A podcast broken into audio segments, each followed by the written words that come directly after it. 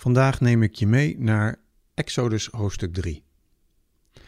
Mozes was gewoon de schapen en geiten van zijn schoonvader Jethro, de Midianitische priester, te weiden. Eens dreef hij de kudde tot voorbij het steppenland en zo kwam hij bij de Horeb, de berg van God. Daar verscheen de engel van de Heer aan hem in een vuur dat uit een doornstruik opvlamde. Mozes zag dat de struik in brand stond en toch niet door het vuur werd verteerd. Hoe kan het dat die struik niet verbrandt, dacht hij. Ik ga dat wonderlijke verschijnsel eens van dichtbij bekijken.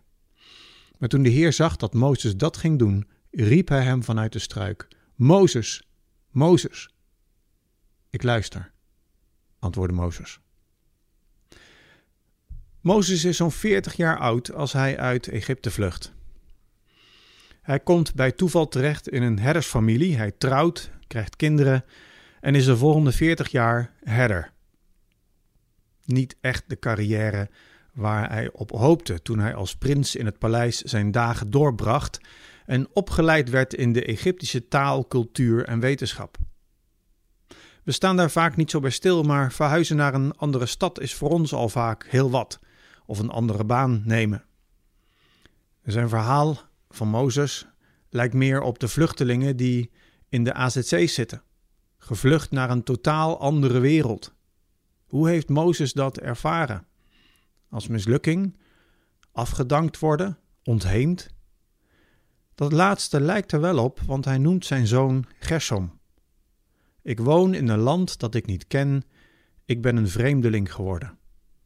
Ontheemd, vervreemd, losgerukt van zijn Hebreeuwse achtergrond, gevlucht uit de Egyptische wereld die hij zo lang als thuis had ervaren. En dan je kind een naam geven, Gershom.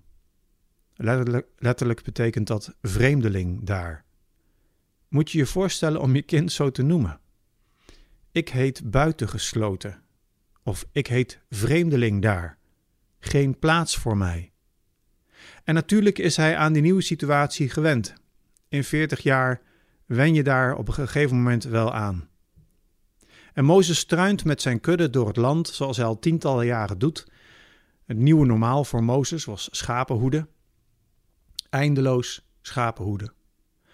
Als hij op een dag een natuurverschijnsel ziet dat hij nog nooit heeft gezien. Een struik die brandt en niet verschroeit. Het is een fijne afleiding op de dagen die altijd hetzelfde zijn en hij bekijkt de struik wat dichterbij en hij schrikt als hij een stem hoort. De stem kent hem, noemt zijn naam en stelt zich voor als de God van zijn voorouders. Zou Mozes die oude namen nog gekend hebben? Misschien nog wel uit zijn jeugd, de mannen die aan de oorsprong van het volk lagen. Natuurlijk heeft hij vast wel eens gehoord over Jozef, die zo hoog ook in de gelederen van Egypte kon opklimmen. De oude namen kent hij ongetwijfeld van de verhalen, en de stem verbindt zich aan die oude namen. Wat een ontmoeting, hè? En Mozes schrikt, doet zijn schoenen uit en verbergt zijn gezicht. Mozes kent deze God niet. Het was vooral de God van de verhalen, de God van vroeger, de God die hij nooit zelf heeft ervaren. De God die was weggezakt in zijn geheugen. En dat vind ik juist zo bemoedigend aan dit verhaal.